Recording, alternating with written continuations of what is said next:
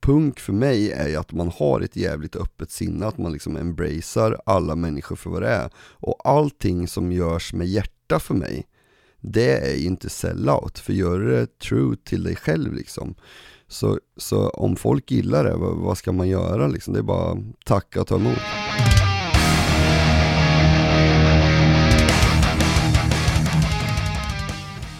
Då var veckan framme på torsdag igen. Underbar känsla, i alla fall för oss som dyrkar torsdagen.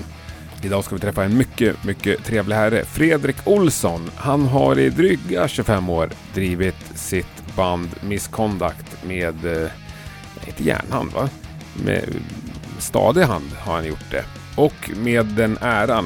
De har ju släppt massor av plattor och eh, framförallt turnerat stenhårt sen start egentligen. En mycket, mycket trevlig historia och eh, trevligt berättande av gästen. Grymt uppfriskande också för mig att eh, kliva in på lite annorlunda musik mot för vad vi oftast har här i Rockpodden. För det är ju skatepunk vi snackar idag. Men lite hardcore till och med från den gamla eran i alla fall. Du lyssnar på Rockpodden. Fredrik Olsson är veckans gäst. Jag heter Henke Branneryd och jag önskar dig en god lyssning. Fredrik Olsson, varmt välkommen till Rockpodden. Ja, tack som fan. Så jävla kul att få vara med. Ja, svinkul att ha dig här. Hur är läget? Jo, det, det är bra. Jag är sjukt trött för att, eh, ja det är som jag berättade lite innan med livspusslet med barn och så här och jag var ute i studion igår och riggade lite här för att vi skulle spela in och vi repa igår för vi ska spela nu på fredag och lördag så ska vi köra Östersund och Örnsköldsvik. Är det sant? Ja. Det är ju alltså imorgon det, när det här avsnittet släpps. Ja, så är det. Ja. Fett. Fan vad trevligt. Vart Ja. kör ni i Östersund? Östersund så ska de kicka igång lite sån verksamhet på eh, Tingshuset igen. Vi har kört där förut för många år sedan men eh, nu ska det bli lite så här, eh, ja men rocksatsning där. Ja. Så det är väl vi som är lite mer åt det här melodiösa punkrockhållet så är det Slutstation Tjernobyl och sen så är det ett eh, lokalt band också. Som kör lite mer åt eh, hårdrockshållet tror jag. Coolt. Och sen på lördag var det Örnsköldsvik och då är det Ja. mm, musikhuset där. ja, lite Norrlandsturné. Mm. Och då tror jag Kardinal Synd skulle vara med också. Eh, på Ja. lördagen där. Coolt. Så det, ja, det ser vi fram emot. Eh, Mm. Vi är riktigt sugna på att satsa lite mer på Sverige. Vi har inte varit jättebra på det de eh, sista åren. Nej, och när du säger vi, då pratar vi misskontakt. Vi måste börja med att klargöra det. Yes. man sitter och funderar. Mm. Misconduct i Kristinehamn eller misconduct utomlands, yes. Så är det. Okej då. Jag är hockeykille, då säger man misskontakt. Ja jag vet, och de- flesta i, i Sverige tror ju att det är en hockeyreferens. Så, Ja. så har det varit liksom, eftersom det finns en, eh, ja den utvisningen. Ja, Och det betyder i hockey osportsligt uppförande, så det passar väl på ett punkband också. ja. Men eh, när jag startade bandet 1995, back in the days, då hade jag klimatångest deluxe och det var liksom eh, Mänskligheten är skyldig till misconduct för sitt uppförande mot Moder Jord. Jag så, fattar. så, så den tanken, det var lite så, Men 95, då gick jag liksom i gymnasiet. Då hade inte jag klimatångest. nej, jag gick ju också tyvärr i, i gymnasiet och hade klimatångest. Men du var så pass gammal. Det känns annars som att du var 10 år 95, men det var alltså inte. Nej, jag får höra det hela tiden och mm, de andra i bandet är ju yngre än mig. Eh, så de flesta tror ju att jag är tio år yngre än vad jag är. Ja. Eh. Men, och det är bara du som är kvar sedan 95 så att säga. Ja, eh, original-line-upen varade egentligen bara typ två år. Och sen så blev det lite skiften och så här. Och ett tag var jag ju nästan inne på att mm, man skulle lägga ner bandet liksom för att det var svårt att få ihop det med att jag ville turnera precis hela tiden, ville aldrig vara hemma. Eh, småstadskille bort från Kristinehamn liksom och Mm. ut i världen. Eh, men eh, flytta runt mycket i Sverige och sådär. Men sen, eh, ja men runt från 2002 skulle jag vilja säga att då liksom uppstod det moderna misconduct liksom, när vi, man hittade soundet på riktigt och sådär. Mm. Eh, för i början så var det, alltså jag ville väl egentligen låta som Bad Religion från början och ha mycket så här stämsång och os and as och så här liksom sofistikerade texter och så men jag gillar ju också sån Youth Crew hardcore, liksom New York, DC-scenen, Minor Threat och, och liksom Youth of Today så till, tidigt liksom, korta snabba låtar och det var ju lite enklare att spela i, i början när man var, inte var så liksom erfaren så att eh, våra låtar var ju typ under en minut i början och det skildes Precis lagom till Ja, exakt ja. Ibland var det bara vers, breakdown, vers, slut, fanns inte ens någon refräng liksom Ja, men ni var väl ganska avsevärt mycket hårdare från början så att säga? Ja, nej men det var ju det. Alltså, sen mm. hade man ju Grejen är så att jag hängde väldigt mycket med mina äldre kusiner när jag var liten. Jag hade en av, de är två bröder då, eh, Jonas och Jörgen. Men Jonas den äldsta där, han var en sån här riktig kille som när jag, när jag var riktigt liten kom hem med de här klassiska blandbanden liksom. Han, Underbart. Jag, jag har väl honom att tacka lite för liksom den mer liksom man kan inte kalla det modernt nu för vi, vi pratar fortfarande 80-90-talsrock. Ja. Men om farsan och morsan stod för liksom Led Zeppelin och Beatles och, och den där biten liksom Deep Purple och det här 60-70 så var ju Jonas alla gångerna som kom hem med liksom de här sköna blandbanden. Eh, och jag fastnade ju väldigt tidigt för de här, ja men typ om man tar Metallica så var det ju Kill Em All, Ride the Lightning-plattan som liksom bara gick rakt in i, det var något speciellt mm. med de plattorna, liksom, det var den där energin, det snabba, eh, väldigt kompromisslöst liksom. Eh, samtidigt som man eh, kunde lyssna på Docken mm. För han var väldigt så han blandade liksom, en bra låt en bra låt det var ganska skönt eh, Så jag har alltid haft så väldigt öppet sinne när det gäller musik liksom eh, Jag har haft lite svårt för det här när det blir för mycket fack och så här, att man ska dela in Så jag går väl lite mer efter att en bra låt en bra låt liksom men, blev... men hur gled du över på punken då? Nej men det blev ju att på de där uh, blandbanden så dök det in liksom, ja men typ Recipe for Hate med Bad Religion eller Against the Grain, de här lite tidigare skivorna, American Jesus och mm. 21st Century Digital Boy. Vet jag att uh, samtidigt som jag hade andra kompisar så, um, när jag gick från sexan till sjuan så bytte jag väl, jag var, jag var helt galet Twisted Sisters fan och mm. Twisted Sister var ju också lite med vissa punkinfluenser om man kollar tillbaka så. Ja. Och eh, ja men Stay Hungry skivan den liksom gick i varm hemma. Men sexan till sjuan då bytte jag väl lite så att det blev mer in på Ebba Grön och Asta Kask, KSMB samtidigt som eh, Ramones eh, gick rakt in. Och sen mm. via där då så hittar man det här uh, hardcoren, eh, både West Coast hardcore som Bad Religion lite tillhörde och så genom skateboard och snowboardfilmer så dök man in på Pennywise och där var inte steget så långt sen eh, 94 kom och Offspring och Green Day slog igenom och ja, sådär, du förstår. Vägen. Jag förstår precis.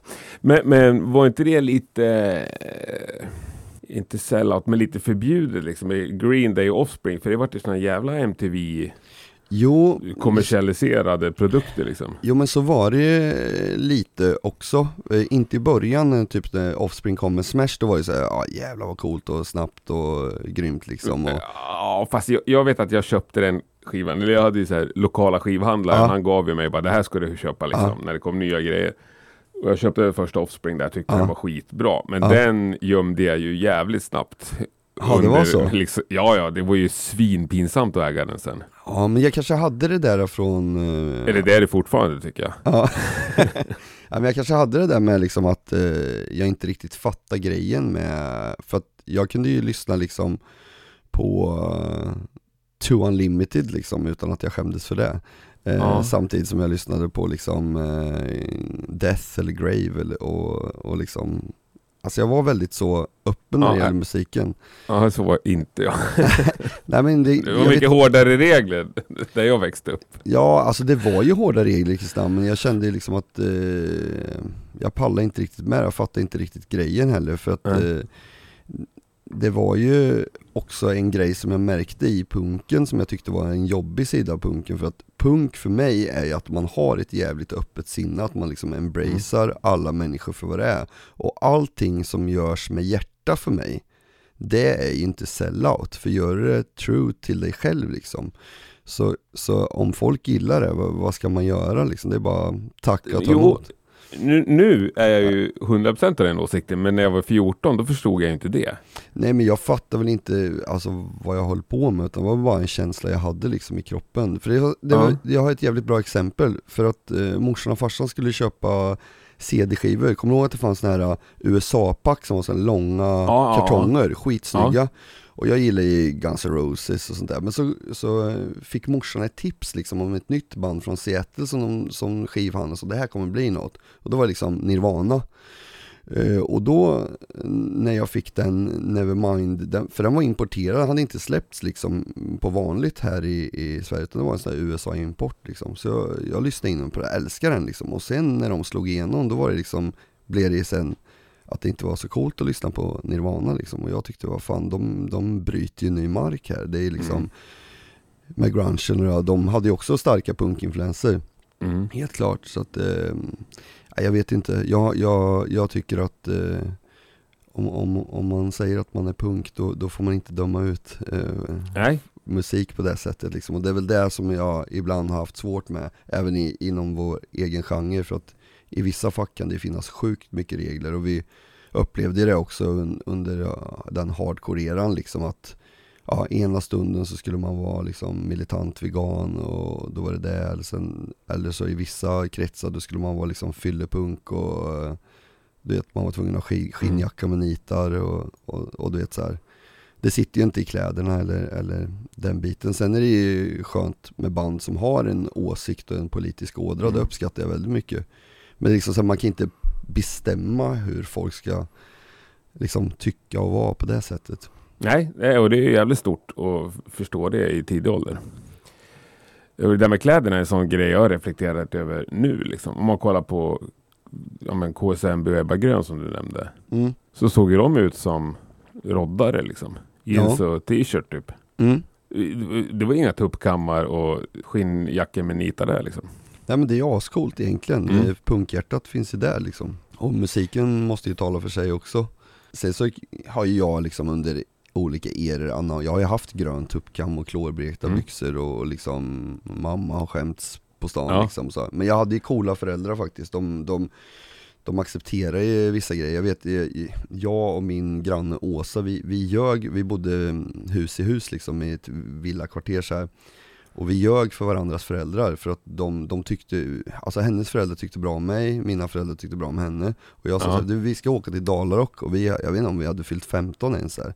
Och de bara, nej men vet du, ja men Åsa får åka. Ja men om Åsa får åka, då får du åka. Och så sa hon samma sak, ja men om Fredrik får åka då. Så åkte vi upp dit liksom och jag piercade näsan utan att det ens fanns piercing. Jag träffade någon, någon, någon tant liksom som satt och sköt pistol i örat på, med såna här fula fake-diamanter. Jag sa bara, sätt, sätt den här. Eh, lite påverkad kanske. Och kom hem med liksom näsring och någon rastafari-basker och dreadlocks och liksom mamma grät liksom. Men, men de har ändå varit coola liksom, de är inte så här tagit mig till någon psykolog och försökt ge mig meds bara för att man gör någon tonårsrevolution liksom. Så jag, jag har haft väldigt fritt spelrum så.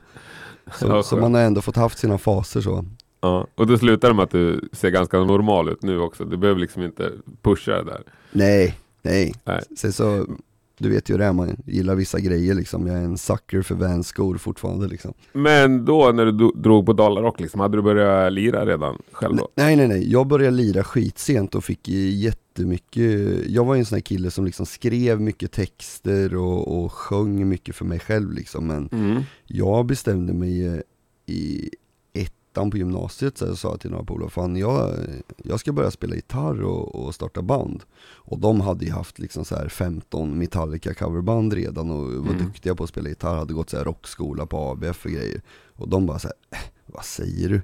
Det är för sent liksom Fredde, du är 16 år, vad, vad, vad tror du liksom? Och jag bara, men vänta bara så här. ingen ville starta band med mig Så jag Nej. köpte någon så här Eh, jag kommer ihåg, jag, jag, jag spelade lite golf eh, när jag var yngre och eh, hade en helt okej karriär. Min, min pappa pushade mig mycket så han blev väldigt ledsen när jag gjorde det. Jag sålde mina golfklubbor till en polare på dagen liksom till ett totalt underpris. Åkte till den lokala musikaffären, köpte någon komboförstärkare och någon Kramer-gitarr som hade ett Floyd Rose-stall som jag inte alls fattat. Så fort man körde av sig en sträng så stämde hela skiten om Ja. sig liksom.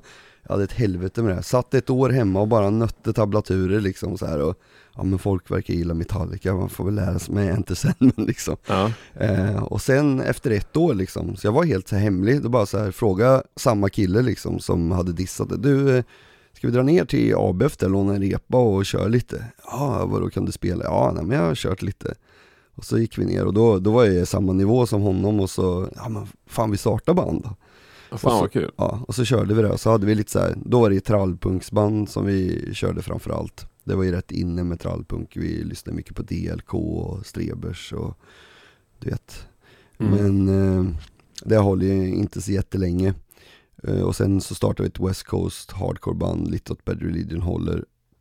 Och det höll väl inte jättelänge heller. Och sen bara kände vi såhär, nej, jag träffade en trummis, eller han var egentligen gitarrist men han var jäkligt musikalisk. Så jag sa så här, du, du borde ju kunna lära dig spela lite så här tvåtakt snabbt liksom. Ja, ja för fan sa han. Och då startade vi Misconduct och då bestämde vi liksom att nu ska det vara seriöst.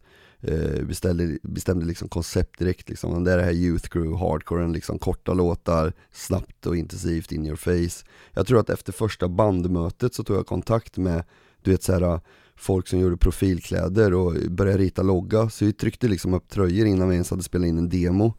Hade liksom tröjor på sig, feta Fruit of the Loom luvtröjor och eh, sålde till kompisar också för de, de, fan vilken snygg logga för jag gjorde så här liksom yearbook du vet college-bokstäver, misconduct Mm. stod det bara. Det var ju folk som säkert som Mm. gillar hockey som bara, fan vad fett, och köpte. Så man kunde ju glida in på en fest innan vi hade släppt första demon så var det folk som hade misconduct-tröjor på sig.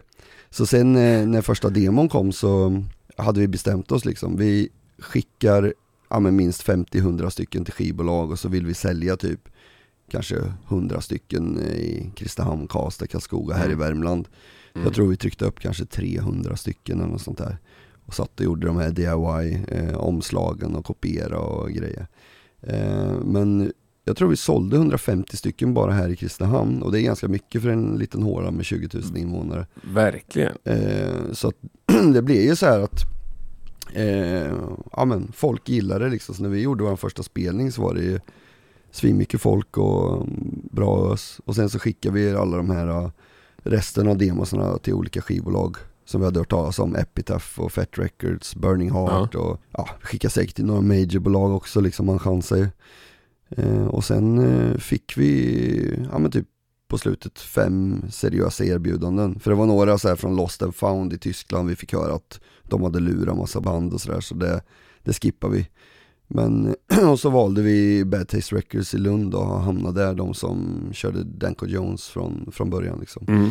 Eh, så, så på den vägen, här. men det var ganska kort liksom, vi startade bandet eh, 95, spelade in den här eh, superseriösa demon våren 96 och det var till och med hösten 95 vi startade och sen Mm. hade vi liksom på sommaren, då signade vi kontrakt liksom. Jävligt bra jobbat. Ja. Men fanns det några hits där på första demon? Ja, vi har ju faktiskt återsläppt den nu när Corona kom och vi inte visste vart vi skulle ta vägen. Vi, vi hade ju ett 25-årsjubileum där 2020 som vi skulle ut på. Skulle Mm. bli våra fetaste turné någonsin liksom med massa bokat i eh, både Europa och Nordamerika. Och då så återsläppte vi första demon för att den har egentligen aldrig släppts på skiva då. Så släppte vi den på vinyl. Eh, Så den eh, heter Like the Old Days och släpptes i Sverige via Sound Pollution. Okej. Eh, och sen tog vi med lite, vi hittade lite så här rariteter, en annan demo som vi typ hade glömt bort att vi hade spelat in, som nästan var ännu bättre. Så då la vi med den också. Eh, så det blev väl en tio låtar eller något på en eh, LP. Men det fanns liksom inga låtar av första demon där som levde vidare sen in på första plattan och så? Nej, men de var med, alltså det var ju lite populärt med de här This is bad taste och Cheap shots, de här som Burning Heart släppte och Mm. definitivt 50 spänn hette väl Birdnests motsvarighet. Mm. Eh, Och där hade vi med två demolåtar Och de tog sig, så vi körde mycket demolåtar till och med när vi gjorde vår första Kanada-turné eh, Så det var väl kanske, ja men typ tre låtar från demon som ändå levde kvar och hamnade på några samlingar Kan eventuellt ha varit med på någon split 7 eller något sånt där liksom Mm. Eh, Men det gick inte vidare till nästa skiva Utan Jag då spelade vi in liksom det var sjukt intensivt. Alltså vi signade ju med Bad Taste där 96, sommaren. På hösten så gjorde vi första spelningen i Lund för Fullsatt Mejeriet med massa andra band då. Eh, en Bad Taste-gala så. Och sen 97, eh, februari kom våran första platta liksom med 10 låtar. Och sen september 97 kom våran andra platta med 16 låtar. Jävligt bra jobbat. ja, det, det var galet.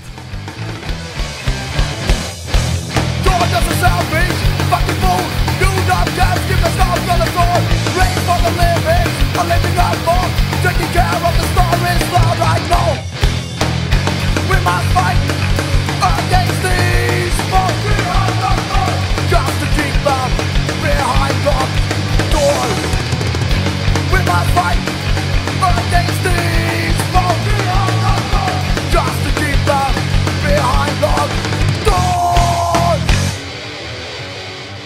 Ja, vad sa vi? Två plattor på under ett år. Ja, det är jävligt bra. Ja, den första var ju så korta låtar så den fick ju heta mini-CD som de kallar det då för att det var liksom Ja, inte riktigt det. att den, du var tvungen att komma upp i, vad var det, 26 minuter eller något för att det skulle få heta fullängdare. Och den var ju 10 låtar på 13 minuter. det var ju, ja verkligen 1, 2, 3, 4 och sen 190 alla låtar. Men hur snabbt gick det sen då för att komma till Kanada och Nordamerika, liksom komma ut? Ja, nej men det, det, det gick faktiskt ganska fort, alltså man tyckte ju då liksom att ah, fan vi måste göra mer och så här, men gjorde en Europaturné med 59 times the pain direkt på den första skivan då på våren och den var ju säkert sex veckor och typ 30-35 gig liksom. Och det är, Men förlåt, nu avbryter jag. Men var det liksom grejen ni styrde upp eller var det folk som hörde av er till er? Jag Ja. tänker ni är ganska nya, ni hade inte svin mycket kontakter antar jag. Alltså det som är sjukt är ju att A Change-plattan som våran debut heter, den mini-CDn, den blev ju jättehypad i Terrorizer och Kerrang. Okej. Eh, och idag tror jag inte ens att liksom, det är svårt att få dem att ens skriva om en liksom, idag. Eh, och eh, ja men den fick så här 9 av 10, 8 av 10 och, och 4 av 5 eller 4,5 av 5 i jättemycket tidningar. Eh, och sen så var det så att eh, Nicke som spelar gitarr i 59 Times the Pain, han spelar från början i ett eh, band härifrån stan, från Kristinehamn som heter Burst och eh, Ja, ja, de som, alltså, Ja, de hade- reunion häromdagen. ja de hade reunion häromdagen, jag, Ja. jag var faktiskt där och kollade, var du där eller? Nej, jag missade det tyvärr. Ja, ja det var grymt, svinbra. Mm. Men Nicke var ju där med i det här bandet från början och startade men sen blev ju han eh, värvad av 59 Times the Pain från Fagersta. Så vi hade en koppling till varandra. Eh, men sen var ju de bra kompisar med Björn på Bad Taste. Så Björn sa ju liksom, vad fan, 59 är ju på G nu liksom. De hade ju varit ute med, jag tror Millencolin, Satanic Surfers, No Fun At All och lite sådana band. Mm. Eh, så att de skulle göra sin första headline-turné och då hängde vi med som support. Men det var ju sjukt uppstyrt liksom. Det var ju Tobbe på motor som bokade allting tror jag med olika större bokningsbolag i, i varje region liksom i Tyskland, Benelux och så här. Så att åka ut så tidigt och eh, köra liksom 30-35 gig, det är ju galet liksom. Mm. Och det var ju inga dåliga ställen. Vissa ställen var ju så här att det kom kanske 50 pers liksom på någon måndag, tisdag.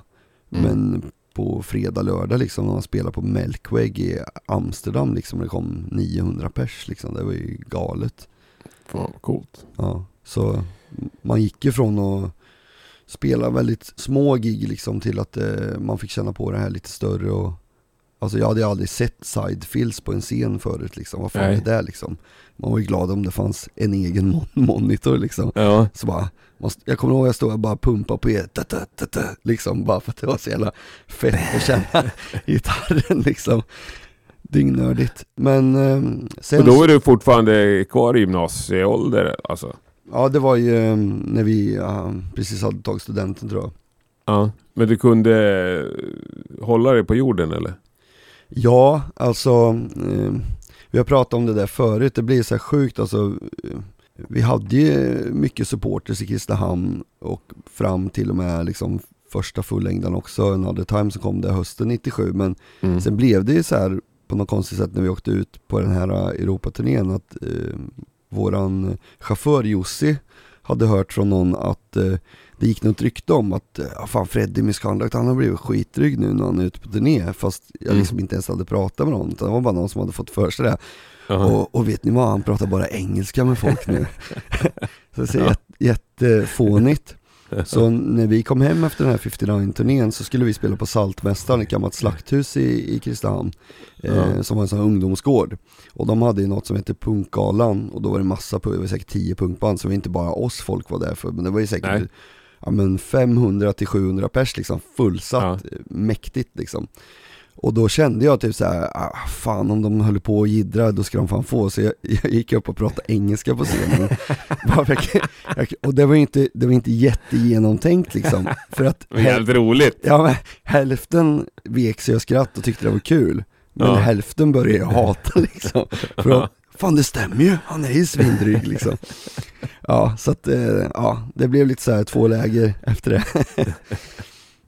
Men men, Höll du i det efter giget också liksom? nej vad fan, jag, jag, jag, jag, jag började ju prata svenska sen såklart. eh, Ja. Men, men det var ju, ja men jag tyckte det var så jävla töntigt rykte liksom, speciellt att det ens kunde gå rykten om någon. Vi Ja. var ju bara ett litet skitband från Kristinehamn liksom, vem, vem orkar bry sig liksom? Eh, Det så- är då du vet att ni eh, har lyckats, att ni är stora när folk börjar, när det går rykten om. Ja, stora i våran stadsdel kanske. Nej men sen så, eh, efter de första Europaturnéerna, för sen åkte vi iväg med ett annat band på hösten där när fullängden kom. Och sen hade våra olika samlingsskivor och så bara efter ett år Ja men sålt ganska bra, för CD gick ju bra då, speciellt de här samlingarna liksom. Vi hamnade ju med låtar med, med band som, samma skiva som band som NoFX eller Bad Religion eller Pennywise Mm. och så här. Och helt plötsligt så blev vi kontaktade av Kanada liksom. Vi vill att ni ska komma över och göra Snow Jam liksom. Och jag hade hört talas om det, det snowboard, Mm. turn- turnerande festival, spela på olika snowboardorter liksom. Och du vet man var sponsor, vi fick billabongjackor och skor och du vet det var bara att hämta ut Stort. snowboard och åka och åka på dagarna liksom. Ja, det var helt galet. Ja. Men när vi åkte över dit, vi fattade inte riktigt vad man hade att vänta sig för förutom de här Europaturnéerna där det var fredag, lördagar med mycket folk så när vi spelade i Sverige så var det ju kanske här, ja men 50 pers ibland, 150 på jättebra Max vi hade spelat för i Sverige var väl kanske den här punkgalan liksom, och 500 Mm. pers då. Men då var det inte bara vi. Och så åkte man över Nej. till Kanada och så tänkte man så här, fan vad roligt om det kommer 200. Mm. Och så första spelningen var 3000 pers. Fan Och, och, och så spelade vi liksom, men då var det ju turnépaket liksom så Ja. Vi spelar ju med AFI till exempel, om du känner till dem. Mm. Eh, och eh, mycket så här kanadensiska skatepunkband som var stora bara i Kanada. Det finns ett band som heter Gob, de var ju lika, som, lika stora som Sound 41 men Sound 41 slog igenom internationellt sen liksom Ja. och blev jättestora. Eh, så det var, eh, ja men de som var kompan till Avril Lavigne, när hon slog igenom, hade ett annat band som också rörde sig i de kretsarna liksom. Så vi åkte runt som så här turnépaket med, det var så jag lärde känna Anti-Flag också, som eh, Okej. Chris från Anti-Flag är med på vår nya singel som vi precis har släppt nu. Yes. Eh, och vi har ju alltså känt varandra sedan 99, då var han ny i Anti-Flag, då var han liksom the kid som eh, Okej. var ny basist så här, och vi klickar väl ganska bra med dem överhuvudtaget. Anti-Flag är ju från Pittsburgh i USA men de kändes väldigt europeiska liksom, de var eh, Mm. väldigt så liksom Eh, nu ska jag inte säga att alla amerikaner är bragging och skrytiga så, men de var väldigt ödmjuka och tog sig an oss. Och när vissa band sa så här, eh, när man frågade sig kan jag köra på din stärkare? och de sa no fucking way, då var det liksom Anti-Flag, de bara låna alla våra grejer, våra grejer är era, vi är familj. Och du vet så här, Och då blev man bara Mm. så här: wow, shit, där åker man över. Och så träffar man ett band liksom man aldrig sett förut och så, så jävla schyssta. Ja, fan vad schysst. Så jag började älska Anti-Flag för deras personlighet först liksom och sen musiken. Och nu Men- fick ni släppa en låt ihop. Det var ju kul. Ja, ja det är ju grymt. Äntligen efter bara så här sen 99. Det är en jävla partyhit ju. Ja, ja den, den känns jävligt bra.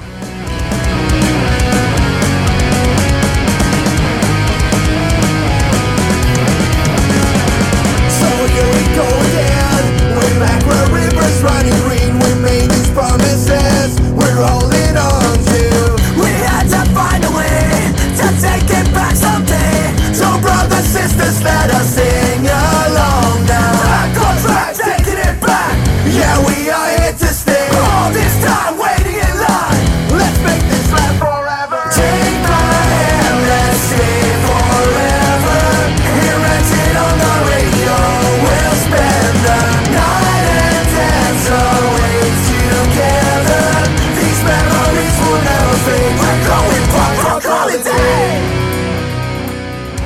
den kom ju till på ett så jävla sjukt sätt. Eh, för det var ju nu när vi åkte iväg på den här sommarturnén i, i somras, så har man ju väntat då i över två år på alla spelningar bara flyttats fram hela tiden. Ja. Och den här situationen med corona och det. Eh, och efter vi hade gjort en spelning i Prag på Rockcafé, eh, och det var, det var så här en tisdag, vi hade inga förväntningar för det, det var också mellan två festivaler och där är det ofta så här att ingen orkar gå ut på, när det är liksom festivaler i varje hörn, så är det jättesvårt på sommaren att göra klubbspelningar. Men så kom Ja. det liksom massa folk och var värsta öset och så jävla mycket kärlek så att jag var liksom hög på livet, helt euforisk och så hade jag haft en melodi i huvudet i turnébussen hela resan och hade lite så idéer och då sen på kvällen kom liksom all text på hotellet så jag bara gick ner till lobbyn och frågade dem så här, du har ni någon akustisk gitarr? De bara, nej det har vi inte. Men sen var det en som kom på, jo vi har ju den där. Så hämtade de någon gammal skolgitarr som såg ut som någon hade kört över med en dumpers och sen liksom malt ut bitarna och limmat ihop den igen. Det var liksom helt totalt förstörd gitarr. Jag tänkte, ja men kan jag låna den då? För att den såg ut som en soptipp liksom. Och de bara, Mm. nej nej nej, du måste lämna pant, minst 50 euro liksom. Jag bara okej, så jag fick springa och hämta euros för man har inte kontanter nu för tiden och, nej, och nej. lämna pass och sånt där. Men eh, så rullar de i Prag och sen så satt jag mig på rummet så körde jag låten, texten testade och då så sa Marcus, våran chaufför, men jag kan filma så lägger vi upp det på Instagram bara som en teaser. Så sa Mm. jag väl, råkade jag väl säga, jag, jag kan ju aldrig hålla käften. Så jag råkade säga på slutet i den Instagram-videon, ja men gillar ni den här låten eh, så kör vi den imorgon på Punk Rock Holiday, som är en festival Okej. i Slovenien. Ja. Och sen fick ju låten heta Punk Rock Holiday. För nästa dag när vi kom till Slovenien, det här la vi alltså upp på natten, dagen innan.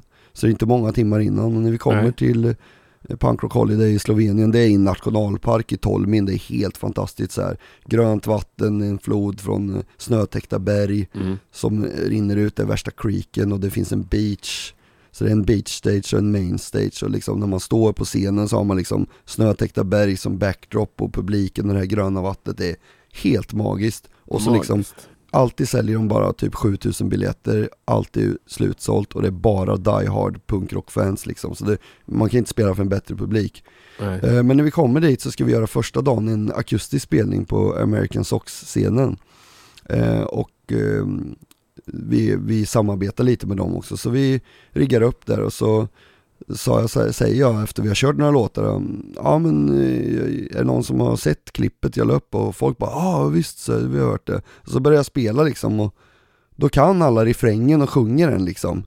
Eh, helt galet, jag fick, gå, jag fick gåshud, jag började nästan gråta, det var, det, var, det, var, det var så jävla känslosamt liksom för att jag vi kör en låt som jag la ut och typ skrev klart kvällen innan och de Ja. sjunger refrängen och det blir så jävla pepp tillbaka så jag känner väl där och då, fan det här kanske är en liten, i våra mått mätt, en hit liksom, en misconduct Ja. hit. Ja men blir så börjar fundera och nästa dag ska vi göra full spelning på stora scenen. Eh, Så då kör jag också lite bara, jag ställer ner mellan, eh, i mitten av setet gitarren och kör bara lite halvdistat. Och Mm. går ut och bara spelar lite så säger jag till eh, Jacka Kylik, en, en, ja, men, en proffsfilmare som jobbar för Mm. Punk Rock Holiday. Fan du kan inte du filma med alla de här multicam-kamerorna nu lite extra här för att jag tror att vi har någonting på gång. Ja för fan säger han. Så kör jag lite med publiken och sjunger med dem den här låten liksom. Eh, Ja. för, för bandet kan ju inte låten än för att Nej, jag har ju nyss skrivit den liksom. Ja. Så vi kan inte köra med trummor och fullt ut. Nej. Och sen så säger jag till Jacka typ så här, men jag tror att det ska vara typ samma tempo som Closer, en annan populär låt vi har. Så du kan nog ta lite trumklipp därifrån liksom. och så, Okej. ja men, så bara kör vi ihop det där och ja men gör det väldigt spontant men det blir väldigt seriöst. Sen åker jag hem till Sverige efter det, för jag råkar ju också inte kunna hålla käften på stora scenen och säga att gillar ni låten? Alla bara Åh, ska vi spela in den? Ja, okej den släpps om några månader, säger jag. Ja.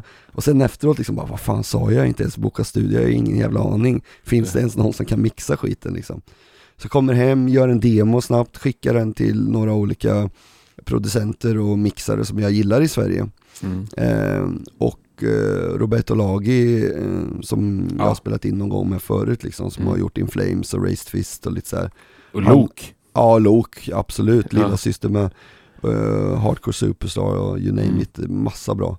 Eh, men han är så jävla pepp liksom, så jag bara känner direkt, ja men det är Roberto vi ska köra med liksom. Mm. För han är, ah fan jag fick lite offspring feeling och det var lite så här, eh, ja men Summer of 94 liksom. Mm. Så, ja men då, då började vi jobba ihop liksom. Jag försökte göra så enkelt som möjligt för honom eftersom det var lite ont om tid då liksom om man nu ska Mm. hålla att vi ska hinna släppa nu Mm. i höst. Och få upp med video och skivbolaget och du vet allt.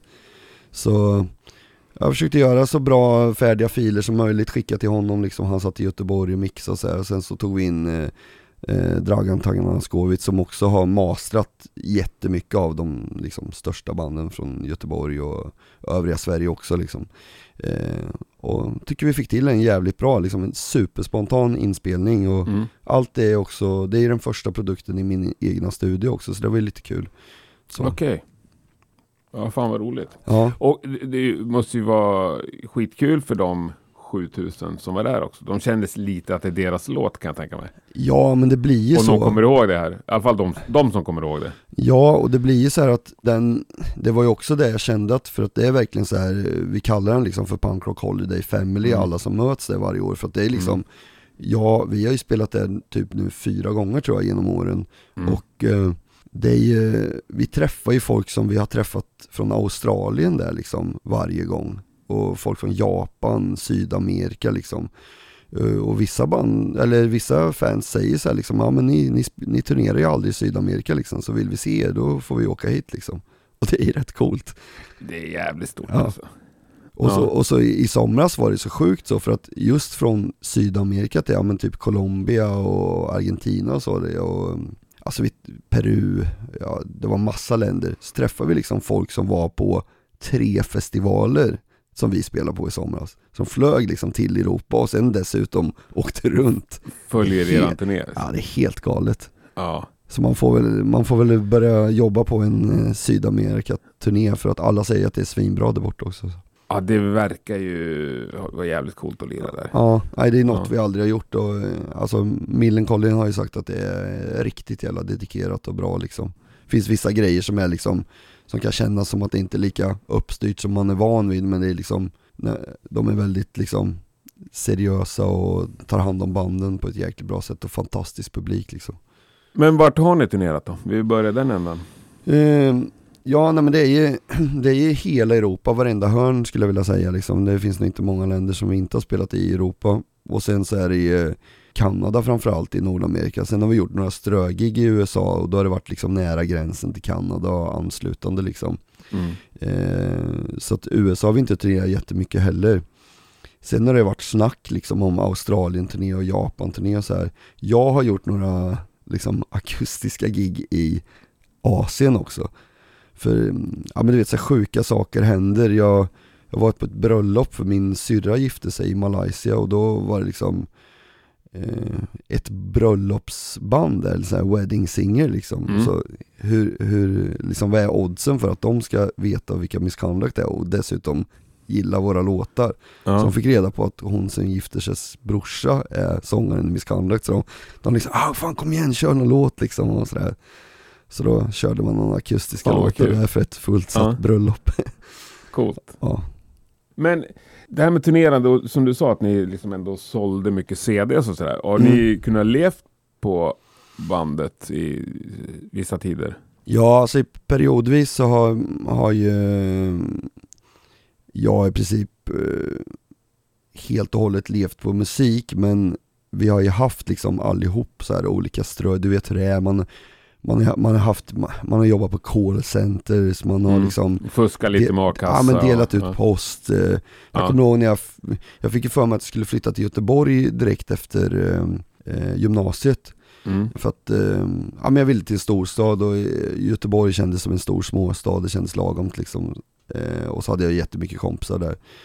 Så jag flyttade dit och bodde liksom hos, inneboende hos lite folk liksom, typ ute i Västra Frölunda och lite sånt där. Men det var inte så glamour som man hade tänkt sig liksom att ha 20% på Burger King, 30% på 7-Eleven och Nej. Ja men du vet så här, replokalen var tio gånger så dyr och låg jättelångt bort och det var jättesvårt att ta sig dit och ja, sådär så ja men flytta runt lite och sådär men ja, sen man hankade sig fram så, så man, ibland fick man ju flytta till en ny stad på grund av jobb liksom.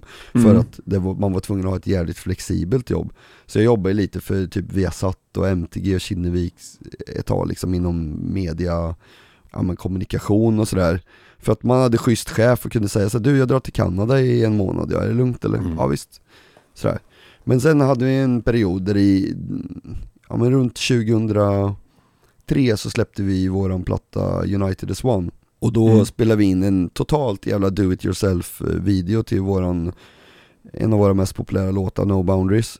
Eh, Med lite såhär skateboardåkare lokala från, eh, spelade faktiskt in den i Karlskoga. Got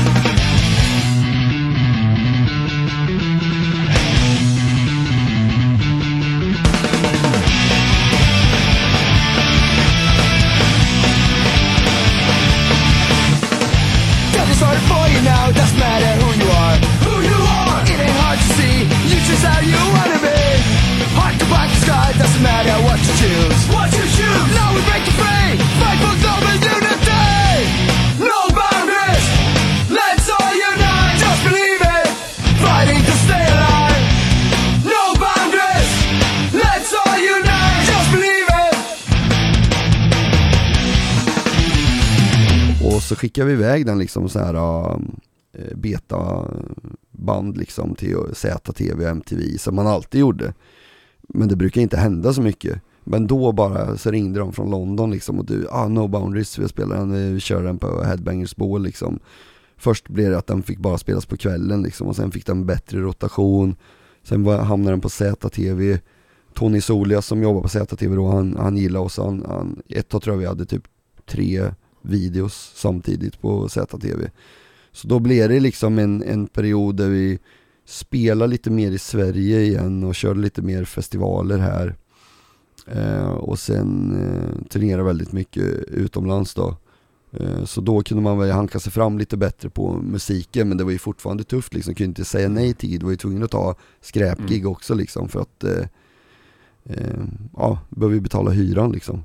Mm. Eh, sen så startade jag Side by Side Records, ett eget liksom, produktions och skivbolag Mm. och bokade mycket andra artister. Så från 2002 till 2015 så bokade jag liksom jättemycket band här i Värmland eh, och då var det liksom inte att jag bokade bara rock utan för att jag skulle kunna sätta till exempel eh, Hardcore Superstar eller Backyard Babies på ett bra ställe i Karlskoga till exempel så var jag ju tvungen att boka liksom ja men så mycket bättre artister eller ja, du vet så här. Så jag, så jag har ju bokat allt möjligt liksom Petter och Petra Marklund och Andreas Jonsson, Darin, ja du vet you name it och sen Mm. stoppar man in liksom i programmet då och då liksom de här uh, favorockbanden i Sverige och Mm. gjorde gig med det. Så det, det blev ju liksom en halv inkomst också. Mm. Så att, ehm, Men det har du lagt ner nu eller? Nej, alltså jag kör ju fortfarande eh, side by side och använder det för att licensiera min Scanlax musik liksom, för att jag är ju jag bestämde mig för några år sedan att jag vill äga alla rättigheter själv och ta tillbaks liksom allting så mm, gamla skivbolag har jag tagit tillbaks masters ifrån och Ja. sådär och så, jag- så jag äger det för att vi hade lite tråkiga du vet så här förlagskontrakt och sånt, vi fick ju inte en krona på slutet och det är inte Bad Taste jag snackar om nu utan eh, större, större eh, bolag i USA till exempel. Eh, så att man blev lite rippad så har jag använt det. Men eh, just bokningsdelen den la jag ner 2015 för att ja, men 2014 så gifte jag mig och sen ja, blev det en massa andra grejer och trappade ner lite på musiken och 2017 fick jag barn och då bestämde jag mig för att nej nu ska jag ta ett fast jobb. Så då eh, började jag jobba som eh, lärare. Mm. Schysst. Mm. Men du, det där med att ta tillbaks rättigheterna, hur enkelt var det liksom? Nej, det var in på jävligt detalj. Ja det var jävligt knövligt med vissa grejer Mm. och de, och de, de liksom drog ut på processen också och man, dum som man var hade man ju skrivit på sådana jävla kontrakt liksom att det här ska hända in the jurisdiction of New York Mm. och liksom Det var ju typ så här omöjliga kontrakt, ja kom hit och försök stämma oss du men du kommer förlora vad du än gör liksom och det Mm. kommer kosta dig miljarder liksom Så det, Ja det var krångligt men till slut fick jag igenom det och de jag försökte ju avsluta det innan den här åttaårsperioden som de hade. Det var jävligt jobbigt på eh, One Step Closer skivan liksom för att vi, alltså vi har förlorat väldigt mycket både ja, men digitala streams och skivförsäljning hur mycket som helst för att de bara stålar liksom och höll på den här plattan Ja. för att vi inte skulle kunna göra ett skit, kunde inte släppa den på vinyl, kunde inte licensiera den till någon annan, fick inte De ha vill den- inte liksom göra en återsläpp heller då? Nej, alltså då, det blev väl att det skar sig lite för att vi inte ville förlänga med dem och gick Ja. till ett annat mindre bolag. För de tyckte Mm. liksom såhär, ja men vi jobbar ju med Warner och EMI och Sony och alla de här liksom. Ja, men ni har inte tagit hand om oss liksom. För att det, när vi signar med dem, för de, de är ett skivbolag som är liksom ett, en underetikett till Warner tror jag det var från början. Mm. Men som jobbade liksom kanske i Australien med Sony och i andra Mm. regioner. De jobbade med stora, så hade ju superbra distribution. Mm. Och då tänker man ju att då ska det gå ännu bättre när man har en sån jätte bakom sig. Mm. Men det var ju liksom som att de, de, de jobbar ju inte för oss. Vi var ju bara ett band i mängden liksom. Så du vet när de gjorde så misstag att låtarna försvann på, vi, vi gjorde en turné med Dropkick Murphys. Eh, Fick förfrågan att spela support till dem. Åkte runt och spelade bara liksom tennishallar och ishallar i Tyskland liksom. Fullsatt, hur bra som helst. Vi spelar Closer och de här populära låtarna på scen och säger kolla in på Spotify så finns skivan inte på Spotify liksom. För då har de Okej. liksom tabbat sig så att den försvinner under flera månader liksom. Ja. Ja, det är så mycket sådana här otursgrejer man har varit med om som, som, är, som är trist liksom. Mm. Och då blir det lite så här att man kommer tillbaks till det här själv är bäste dräng tyvärr. Att, ja man fan får göra det här själv istället liksom. Och, Men, men slutade med att ni fick casha för rättigheterna eller hur, hur kom det, hur löste det sig? Alltså, det är ju också det sjuka, vi har inte fått en enda jävla spänn, de är skyldiga oss så jävla mycket royalties för att skivan gick i början av perioden så gick skivan jävligt bra men vi har inte fått Mm. en enda jävla utbetalning för den plattan. Eh, så det blev ju liksom såhär, ni skyldiga oss jävla massa pengar och jag blev till slut irriterad. Och Mm. jag kände ju så här att jag kan ju inte gå via, ja men jag, jag känner ingen liksom Leif Silbersky som ska, kan liksom Nej. hänga med mig till New York och liksom Nej. dra igång Jag känner också på mig att motorsågen. han är helt risig på engelska, om du nu skulle ha känt han. Ja, nej, nej men i, i vilket fall så mm, fick man ju liksom använda kontakter och som tur var har man ju lärt känna liksom hardcore-eliten i New York så de kunde Mm. ju med hjälp av påtryckningar också för att de här snubbarna hade ju blåst andra band också så när det kom upp till ytan liksom att de hade betett sig som assholes så till slut så mjuknade de ju Ehm, för vi har ju lärt känna liksom Agnostic Front och Madball och liksom de är Godfathers of Hardcore i New York och liksom man bråkar fan inte med Dr. Martin Society och de är liksom gamla skinheads-punken liksom. De, de går ju upp på skivbolaget liksom och tar tag i, i, i den här snubben och hänger ut honom genom fönstret liksom och håller honom i fötterna och, och säger liksom Mm. bara det, det finns ett antal band där ute som du nog borde bli lite schysstare mot. Vi Ja. hörs, typ. Ja. Ja. Och, och sen liksom så gick det bra. Eh, Men några pengar har vi aldrig fått liksom och sådär. Men, Nej, eh, men, Men ni eh, fick rättigheterna? vi fick, var- vi, ja. vi fick mastra och jag var jävligt nöjd med det liksom. För det är ändå Ja. liksom en, en av de skivorna jag är mest stolt över också liksom. Och det, det kändes skönt att få den, kunna släppa den på vinyl med, med ett skivbolag som vi är kompisar med och älskar. Som Mm. vi nu jobbar med i Kanada, People of Punk Rock Records, som är liksom dedikerade fans som har startat ett skivbolag liksom och de är, de är själva record collectors liksom så de, Mm. de, har, de har den där rätta attityden, det är de man vill släppa vinyler med för att det är ingen jidder när man säger så ja men vi skulle vilja göra tre färger på den här. Ja fan that's crazy liksom, vi kör, fan vad kul. Mm. Men du har ditt side by side, heter det så? Ja, side by side records. Du, du har det, släpper ni liksom på det bolaget och sen licensierar ut det där kanadensiska, eller hur funkar det? Ja men det blir typ så side by side records släpper digitalt är dealen nu då så att vi släpper på Spotify och iTunes och alla sådana här. Och Ja. People of Punk Rock Records har hand om alla fysiska släpp. Mm. Eh, men så står det ju med liksom att vi har copyright på deras eh, Okej. skivor liksom. Men finns, kommer de finnas då fysiska i Europa liksom? Är inte det struligt med import och... Ja nej, alltså det är det som har varit så gött liksom. Vi, vi, ja, men ta One Step Closer skivan till exempel. Vi gjorde en skandinavisk press som vi Ja. körde med Sound Pollution. Vi gjorde en Mm. europeisk press som vi körde liksom med våra europeiska distributörer och vi gjorde en amerikansk press. Vi gjorde alltså tre helt olika Mm. och liksom till och med, vi gjorde en edition som var handnumrerad med annat omslag och oli, ja, tre olika Mm. färger och Nej, så det, de är jävligt sköna.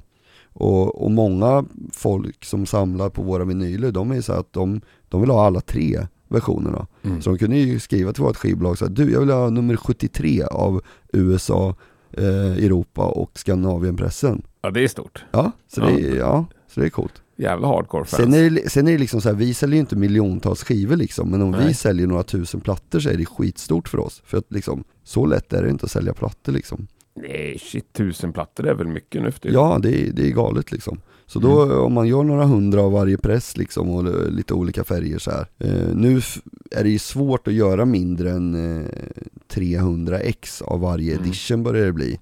För jag var ju lite inne så på att vi, men vi ska bara göra 100 av varje, ja men typ om vi gör en Europapress så ska den finnas i tre färger, det ska bara vara 100 av varje ex. Så det ska Mm. bara finnas 300. Sen 300 i USA och 300 i Skandinavien liksom. Så typ 900 plattor tillsammans. Men nu börjar det bli liksom att, ja, man kan lika gärna göra 300 av varje eh, edition. Men eh, folk fortsätter ju köpa vinyl, man måste inte sälja slut allt på eh, pre-orders. Men det har blivit lite så här hysteri med vinyl så att när skivbolaget har lagt, lagt upp pre-orders så är det liksom, ja men 50% av plattorna ryker liksom första dagen typ. Mm. Ja, fan vad kul. Mm. Men du, du sa det här med turnerande och att ni var tvungna att ta även skitgig liksom. Mm. Eh, har det alltid varit så? Eller hur mycket har ni tackat nej till genom åren? Alltså jag skulle vilja säga att vi har fan aldrig tackat nej till gig, nästan. Eh, och eh, nu har det bara blivit sen, ja men, ja men efter att, för både jag och Simon och våran basist, vi har ju barn. Eh, Mm. Och eh, vi vill ju inte vara liksom borta varje helg. Nej. Utan vi har väl satt någon gräns där liksom att, ja men två helger per månad eh, ska vara max liksom. Mm. Sen på sommaren så kan man göra lite mer då för att det är festivalturné och Men egentligen så gillar vi inte att åka iväg två veckor i stöten heller liksom Men det måste man ju om man ska göra tio gig i rad liksom Ja. eh, Men eh, Nej men det är nästan inga gig vi har tackat nej till eh, och väldigt få gig vi har ställt in eh, Tyvärr så eh, hände det ju lite konstiga grejer när vi skulle, vi hade ju som jag sa väldigt bra publicitet i UK i Storbritannien Mm. och fick ett jättebra bokningsbolag där, alltså The Agency liksom, den man ska ligga på om man spelar vår musik. Men vi lyckades på något sätt ställa in samma turné typ tre gånger och det sjuka var att det var liksom inga lögner utan vi hade, ja men våran trummis till exempel, han klättrade upp på en, en tågvagn eh, och gjorde bus, hoppade ner och bröt foten. Men det var ju sant liksom. Ja. Så vi fick flytta fram. Sant men osmart. Ja. Ja, och så, och så hände det en massa sådana här konstiga grejer, så till slut blev de lacka på oss liksom och ville Ja, typ inte man ju- jobba med oss. Kan man nästan förstå. Ja för de kände såhär liksom, ah, okej men det här är misconduct som har ryktet att aldrig ställa in en enda jävla spelning någonstans och ställer in samma UK-turné som vi har slitit hårt med tre gånger. Eh, Så vi typ brände lite våra broar i UK och kunde Ja. efter det typ bara spela i London, Newcastle och sen Skottland gick vi bra, Edinburgh och, och eh, Glasgow liksom, inga problem. Ja. Men eh, ibland kunde vi flyga in och göra tre spelningar i London. Eh, för vi hade en bra promoter där liksom. Mm. Ja, vi har ju spelat på gamla mm, London Astoria mitt på Oxford Street liksom. 2000 pers med Sick With All och Rise Against och du vet så här. Men annars så har UK varit skit. Och nu i år faktiskt, eller nästa år, så har vi fått ett, eh, ett, ett drömgig där igen och ska göra en liten comeback på en, en väldigt viktig festival att göra eh, nästa år. Jag får tyvärr inte gå ut med det nu men eh, det, det, är, en- det, det är en bra. UK-festival som vi ska spela. Ja, Eh, så det känns väldigt bra för det känns liksom, Ja. och, och, och media har börjat skriva lite om oss där igen och väldigt mycket UK-folk som var på spelningen i somras på Punk Rock Holiday. Mm. Så vi fick väldigt bra publicitet i massa, ja men du vet såhär nätsigns och bloggar och, och lite Mm. magasin. Även i UK efter det. Eh, Så det, var, det är en bra grej med Punk Rock Holiday, att det kommer folk från hela Europa dit. Jag fattar. Ja, Men- fan vad kul. Men, eh, nej men alltså vi har inte ställt in många gig. Eh, Det är liksom, någon gång skulle någon i bandet vara tvungen att operera sig liksom, då fick vi ställa in en, en viktig festival i Tyskland. Men annars så är det mer att vi är restriktiva nu, att vi säger liksom till bokningsbolaget, det är de här datumen vi har att spela med liksom. Mm. För vi vill inte säga så här att Ja men boka upp massor så ställer vi in liksom. Så, så har vi bokat då kör vi fan. Mm. Det är bra. Men, jag- men jag menar, jag kan berätta, vi, vi, vi har ju spelat liksom, som jag sa när vi var ute med Dropkick Murphy, spelar man varje dag liksom tennishallar, racehallar, 5000 pers liksom. Men sen så, mellan de giggen så tog vi någon spelning och spelade in i Italien, bara ett spontangig och fick komma och spela typ i en pissoar. Eh, och, och det var ju liksom lite spännande. Då ko- kom vi till den här konstiga staden i Italien och de sa vart är spelningen? Ja det är borta. Då, ja, det såg verkligen ut som en du vet sån här hus som stod på torg förr med olika pissoarer. Ut alltså som en Ja. toalett. Ja. Du vet, man gick in där och så det var svintrångt liksom. Ja men typ 30 pers det liksom, man kan knappt andas där inne. Fick knappt plats att bära in trumsetet. Och vi bara, jaha vad är det här liksom? Men, men, men man får köra liksom. Och det var ju så här att det kom typ nästan inget folk heller för att vi bara så här, varför, varför kommer inget folk? Jag står vi i en pissoar i Italien liksom och ska köra ett rep. Men eh, vart är folket? Och då så säger promotorn liksom, ja ah, just det, fan vi hade ju glömt bort eh, Italiens motsvarighet till Green Day, ge en gratiskonsert här i stan i en park. Jaha, Ja, men det var ju bra tänkt. kanon. ja, exakt. Men jag menar, det kom, säg 10-12 pers och en hund. Ja. Eh, Ja. Och de ska fan få 110% misconduct, så vi gav järnet och välte fan den där pisaren alltså. Underbart. Ja, Det låter ju som en, ett gig som borde finnas på video. ja det, det borde finnas någonstans. Det, Ja. det, det vore kul och liksom Man har ju spelat på en del konstiga ställen, ockuperade hus och du vet Ja, Det har varit ett, en och annan punk- punkgryta. ja fan vad kul. Ja. Men du, ni har ju liksom firat 25 år här som band. Mm. Eh, har ni era bästa år kvar eller har ni bränt dem redan? Alltså det, det, det kan ju låta liksom fjantigt men jag känner liksom att det har blivit som en nytändning nu, speciellt i år. Eh, och vi fick ju inte fira 25-årsjubileumet på riktigt utan i år firar vi, eh, tjo- våran turné ju 25 plus 2 years tour Mm. liksom.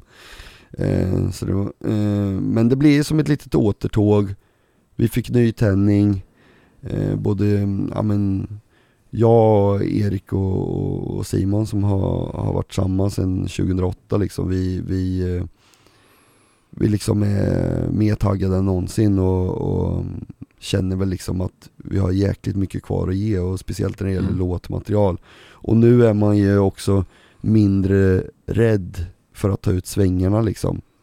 Även fall jag alltid har varit väldigt öppen när det gäller musik och så här så har man ju ändå varit ett band och känt att nej fan den där låten kan vi nog inte riktigt ha på skivan, det, vad ska fansen tycka då liksom? Det är ju helt borta liksom, man gör ju bara musik som man själv gillar och sen Mm. om en person gillar det, om det är bara min son, det var som när jag släppte det här Punk Rock Holiday så skickade min fru ett klipp när Alve, min ja, lilla som ska fylla fyra, han satt den där låten direkt, liksom, jag har hört den en gång och då tänkte jag men vad fan, om alla hatar den skitsamma, Alve älskar den liksom, Ja, det är lugnt. det Så- räcker. Ja. ja men jag känner faktiskt att det fan, de bästa åren är fan kvar. Det, det, det, det är nu liksom det, vi vet exakt vad vi vill göra och, och ex, man är lite bättre på att, att trolla i studion och göra bra grejer. För jag, jag är ju så här att man har ju varit inne i olika faser och, och nu är vi nästan så att vi börjar plocka bort grejer. Så Mm. lite som möjligt. Inga pålägg liksom. Det var som jag sa till Roberto nu liksom, för jag vet ju att han är gitarrist. Mm. Och många vill säga att det ska vara många pålägg och det ska vara fett och det ska vara, Mm. när det är chugga chugga partier liksom, ska man sitta där liksom och tom, tom, tom, tom tills det är snortajt och liksom nästan statiskt. Men han tyckte ju likadant liksom. Ja, Jag tycker också, fan mindre gitarrer liksom, det blir, jag menar, det ska ju låta som det gör live liksom. Mm. Så sådana grejer också, att man är, man är lite mer bekväm i studion nu för tiden. Studio var ju väldigt ångest för mig de första åren. För då blir det ju så här att ja, men allting hörs och det- blir inte samma känsla som live liksom. Hur fan ska man förmedla den här magin mellan oss och publiken i Ja. studion? Men nu på något sätt så tycker jag att man lättare kan förmedla den där energin och hungern även när man lägger sång till exempel. Mm. För att man är liksom inte så, man tänker inte så jävla mycket, man är inte nervös och Sen är det ju få förunnat att ha en egen studio som man kan göra bra inspelningar i, sex meter från Mm. sitt eget hus liksom. Så man bara kan gå ut, men det är ett måste för mig liksom, när, när jag har lagt barnen klockan är nio på kvällen, då går jag ut och jobbar i studion liksom. Sitter jag där till, ja, två på morgonen ibland. Det är en dröm ändå ju. För Ja. många tror jag. Ja, Ja. nej, nej jag, jag- jag säger det. Och det, och jag menar, de möjligheterna hade jag inte då. När jag åkte Nej. till Studio Underground första gången och skulle spela in vår första fullängdare liksom och tappa rösten och jag, jag, jag grät som, som ett litet barn och var helt förstörd liksom och ångest deluxe för att jag visste att det kostade Bad Taste Records en jävla massa pengar och där var jag liksom kunde inte göra någonting. Nej. Jag var ju bara till slut säga, "Ja, men jag kan inte lägga det här, får komma tillbaka en annan gång. Och var tvungen att ringa dem och säga tyvärr, skivan kommer kosta lite mer för jag måste åka tillbaks om två veckor. Dricka te. Ja, Ja. Men, ja, men nya plattan, vad sa du? Maj siktar ni på? Eller det, har ni ett datum redan? nej alltså grejen är ju så här att eh, vårat skivbolag i Kanada, de ville gärna synka digitalt och analogt och det förstår Mm. jag liksom. De vill gärna att vinyl och Spotify och allt det kommer samtidigt och video Ja. och hela kittet. Och det köper jag totalt. Mm. Men jag är ju så jävla sugen på att få ut mer låtar för nu när vi släppte den här, det har ju blivit en jävla skjuts liksom. Jag menar, jag tycker att vi är ett litet jävla punkband från Kristinehamn liksom. Vi är samma personer som alltid liksom. Och när, när jag släpper en låt och det, ma- även om, ja men målet för mig när vi släppte singeln nu på Spotify var, men vad kul om man får tusen streams första dagen liksom. Mm. Och så fick man 6000, då blir man så bara wow, shit, fan vad roligt. Eh, och man blir mer pepp liksom, för att vi är också ganska dåliga på sociala medier. Vi har inte riktigt de här, eh, ja men är man ett band som har 500 000 följare på Facebook, Instagram, you name it, då är det ganska Mm. lätt att göra ett digitalt släpp och få många att lyssna på det på en gång. Men för oss brukar det ta lite tid, för vi är typiskt så här eh, mun till mun band som alltid liksom har satt våran pränt på kartan på grund av att vi har turnerat som svin Mm. och liksom spridit så. Nej men så jag vill ju ut med den i maj och tycker att vi kan släppa digitalt först. Men de tycker väl september då liksom, för det är ju jättelång väntetid på vinyl. Ja, sen sen har jag en helt galen idé om hur den här LPn ska släppas. Eh, som är både kostsamt och, eh, men jag är liksom inte, jag gör inte det här för pengar. Eh, utan jag gör det för att jag älskar det liksom. Mm. Så jag bryr Men du vill ju heller inte att skivbolaget ska gå i konkurs. Nej, men då säger jag till dem att Ja men ta bort våran del då liksom. Ni Ja. får ta era 50% och våra 50% kan brinna inne, det skiter jag i liksom. Bara jag får göra en cool skiva liksom. Ja. Men vill du berätta om idén eller är den eh, hemlig tills den kommer? Ja, jag tror att den är lite hemlig just nu Ja. faktiskt. Eh, Ska inte bjuda på den? Ja, nej men det kan bli, det kan bli mer kul då. Men det, det är liksom min idé som jag kan säga är liksom att jag vill ge de som köper den här plattan något slags mervärde. Eh, Det finns olika sätt att köpa den på. Eh, Och ett sätt kanske ger lite mer. Man kanske får mer låtar då till och med. Spännande. Ja, men vi får se vad det landar i för det är liksom det här, det, det ska vara genomförbart också. Men jag hoppas att jag får till det.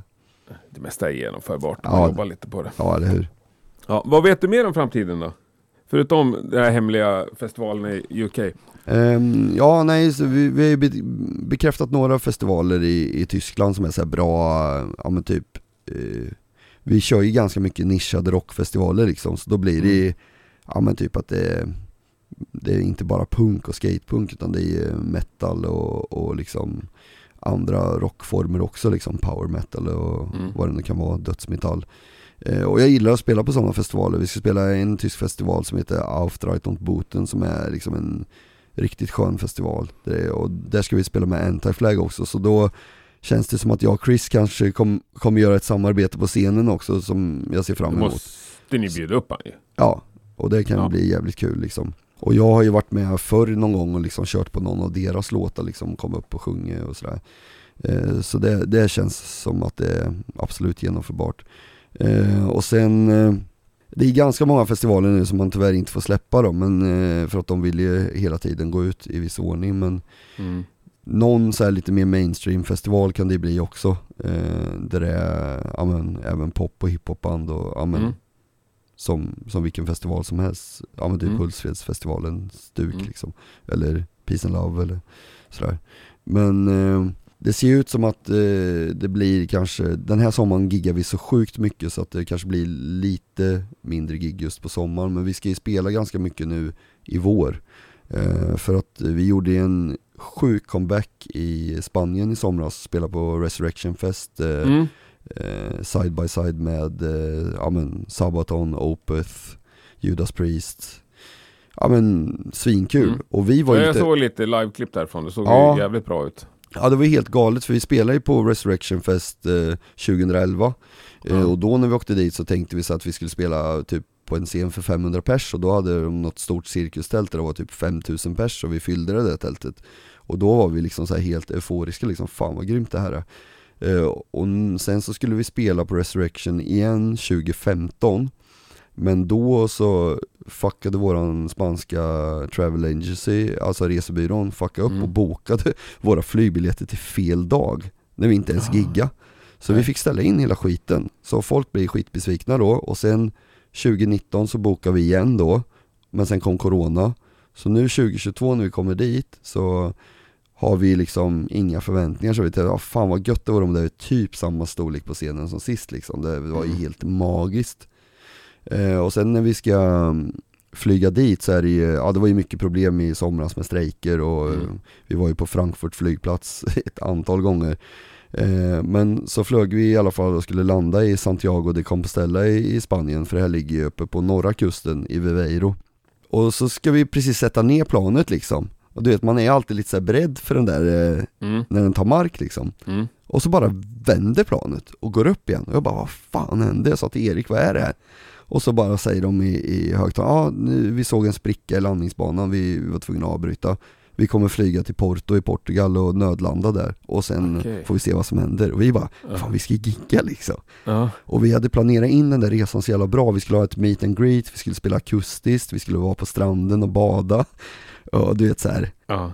vi kommer dit en halvtimme innan vi ska gå på scen, fast vi har en ganska sen tid liksom. Allt Ja. det där andra är borta liksom. Vi, vi, ja, lång historia, vi fick flyga först till Porto, de fick tanka, bygg, eh, reparera landningsbanan i, i Spanien, flyga tillbaks, bli Ja. upphämtad av en annan buss, åka med eh, Ja då fick vi åka med Nergal förresten, eh, det var lite kul Okej. Ja, så då tog vi följe med, med honom, för han skulle också spela på festivalen Ja. och sen så åkte vi dit då och så, du vet, man hinner knappt reflektera när man går in till scenområdet, på med tajta svarta brallorna liksom, knäppa bältet, en tugga på en macka, svälja med lite vatten, upp på scenen och så känner vi typ så här att eh, fan, vi måste göra linecheck också. Då säger jag till dem så här på scenen, du vi, vi, vi skippar två låtar, vi kommer gå på tio minuter senare men vi, vi kan inte gå på nu liksom utan att kolla, vi måste, vi vill göra en bra spelning liksom. Ja. Så don't worry, vi kommer gå på tio minuter senare men jag stryker två låtar, det är lugnt. Och så liksom Mm. ställer vi oss liksom och bara kör så här äh, amerikansk fotbollsring liksom och bara nu jävla grabbar nu, nu skakar vi av oss där, nu ska vi göra en riktigt jävla bra 110 misconduct där. Och innan, när vi kommer dit, så har vi kollat igenom en tältduk på den scenen, den är skitstor, den är dubbelt så stor som den scenen vi spelade på sist och det är jättelite folk på bandet som spelar innan oss. Ja. Så vi går ju upp med förväntningar att det kommer vara samma eller mindre. Sen när Mm. dukarna går åt sidan och vi går ut, så är det fullsatt. Det är liksom 12 000 pers där. Och det börjar fylla på mer bakifrån, folk som inte får plats. Och vi bara så här, Ja. vad är det här? Vi är liksom, för vi stack ändå ut lite på festivalen. Men, jag, Ja. men folk var jävligt sugna på liksom just våran eh, punk, eh, skatepunk med lite hardcore-influenser där, tror jag. För det Mm. var inte så många andra band som spelade på festivalen, förutom då Rise Against som spelar på main stage. Eh, så det var ju liksom helt jävla galen spelning, från första ackord liksom, alla sjöng varenda jävla låt. Det var liksom anthem, allsång hela tiden. När vi körde Never Going Down, som är en låt vi alltid avslutar med, som är en liksom publikens låt. När jag slutar den, de slutar inte sjunga, för den har en riktigt såhär wow wow parti liksom. De bara fortsätter sjunga, sjunga, sjunga liksom. Vi, vad fan gör vi liksom? Fan, Jag körde av en sträng på typ, ja men bara efter några låtar. Ja. Och jag sa till våran kille så här: skit i och byt sträng på den här, jag, jag vill inte ha någon mer gitarr. Så jag bara hoppade ut och låg i publiken resten av gigget liksom. ja, det kötta. såg jag också något klipp på. Ja. Ja, det, var, det, det var helt magiskt alltså. Det, det, det, då rann det tårar och det var liksom, ja det var gåshud, det var liksom man, att man får göra det här liksom. Det, Ja. och det spelar liksom ingen roll om, om, om, jag säljer 500 vinyler och tjänar 10 kronor liksom som jag kan köpa en, en kaffe för liksom. Men jag får göra det här, det är liksom få förunnat alltså att få, få, få uppleva den liksom symbiosen mellan publiken och oss liksom. De gav oss så jävla mycket kärlek den där dagen liksom så att det, det var galet. Och nu efter den här spelningen så är det ett supersug i Spanien. Så i, i mars ska vi nog göra en enbart Spanien-turné. Två runder eh, som det ser ja, ut. fan vad kul. Sjukt roligt att höra. Jag blir Ja. glad för din och eran skull alltså. Ja, Jag hade gärna suttit en timme till här och lyssnat på dig. ja, jag kan inte sluta prata heller. Nej, men, men, och det jag gillar, det är ju det är en del av formatet. Ja. Så, så är det väldigt eh, uppskattat för folk som snackar. Ja, Men eh, som jag sa, så någonstans ska vi behålla lyssnarna också. ja In absolut. till slutet. Så jag tror, vi, vi ska avsluta här med två snabba frågor. Mm. Vilket är Sveriges mest underskattade band? Oj. Ja men alltså, jag vet inte om de är underskattade men alltså ett band som borde få ännu mer uppmärksamhet är ju Burst tycker jag som jag var och kollade på Mm. liksom. Eh, nu var det en bra spelning fortfarande på Debaser Strand liksom men jag tycker de är minst lika bra som många stora amerikanska band liksom som fyller arenor. Eh, gillar man den typen av metal så ska Mm. man absolut eh, eh, kolla upp Burst alla gånger. Tycker jag. Mm. Grymma. Och vem är den mest musikaliska person du någonsin har lirat med? Oj. Ja, nej men det är nog, tror jag, våran eh, första basistval. Han är extremt musikalisk. Vad heter Ja. han? Andreas Wall. Ja. Eh, han eh, är liksom, ja men både i, i praktik och teori liksom. Eh, jag brukar tvinga honom att komma hit fortfarande och lägga körer. Han är, han är gudfar till mina barn. Han spelar Okej. inte bandet längre. Han, han, Nej. han hoppade av 2008. För att, ja vi turnerar ju typ hela tiden liksom. Mm. Eh, men vi är ju grymma kompisar och han är, ja, men han kan spela så här eh, Jaco Pastori grejer på bas eller liksom simpla hårdrockslåtar eller och han kan sjunga, köra, alltså och bra referens när man ska bolla liksom och spela Ja. upp någon låt sådär. Underbart. Mm. En sån behöver vi alla. Ja, eller hur? Ja. Nej men fan Fredrik, stort tack. Det var ju svintrevligt. Ja, verkligen. Eh, Ja. Hoppas att vi ses på eh, ett gig eller en, en fest hemma hos dig kanske. Det hoppas jag verkligen Ja. att vi gör. Snart alltså. Ja. Ja, får önska dig en underbar dag. Det här var ju tidigaste inspelningen i Rockpoddens historia tror jag. ja, Ja. ja det är så. 07.45 hade vi möte i morse. Det, det kan vi avslöja nu. Ja, Ja. men eh, vi fick till det. Ja, jag tyckte det blev bra. Ja, jävla trevligt. Och du ser ju jävligt att- pigg ut. Ja, jag brukar Ja. vara pigg på morgonen. Ja. Ja. Eh, men jag hoppas att någon mer än vi tyckte det var trevligt. ja, det får vi hoppas. Ja, nej, men fan underbart. Ha en grym dag och eh, all lycka till i framtiden så hörs vi snart igen. Detsamma. Tack som fan. Skitbra. Tja! Ha det gott, tja.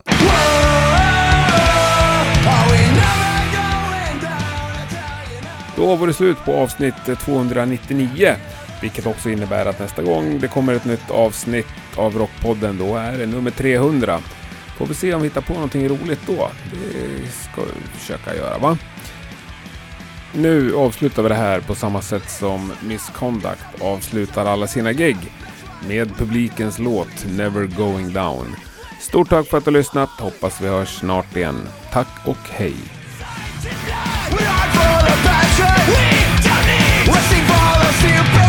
Dedication gets you far. to follow the path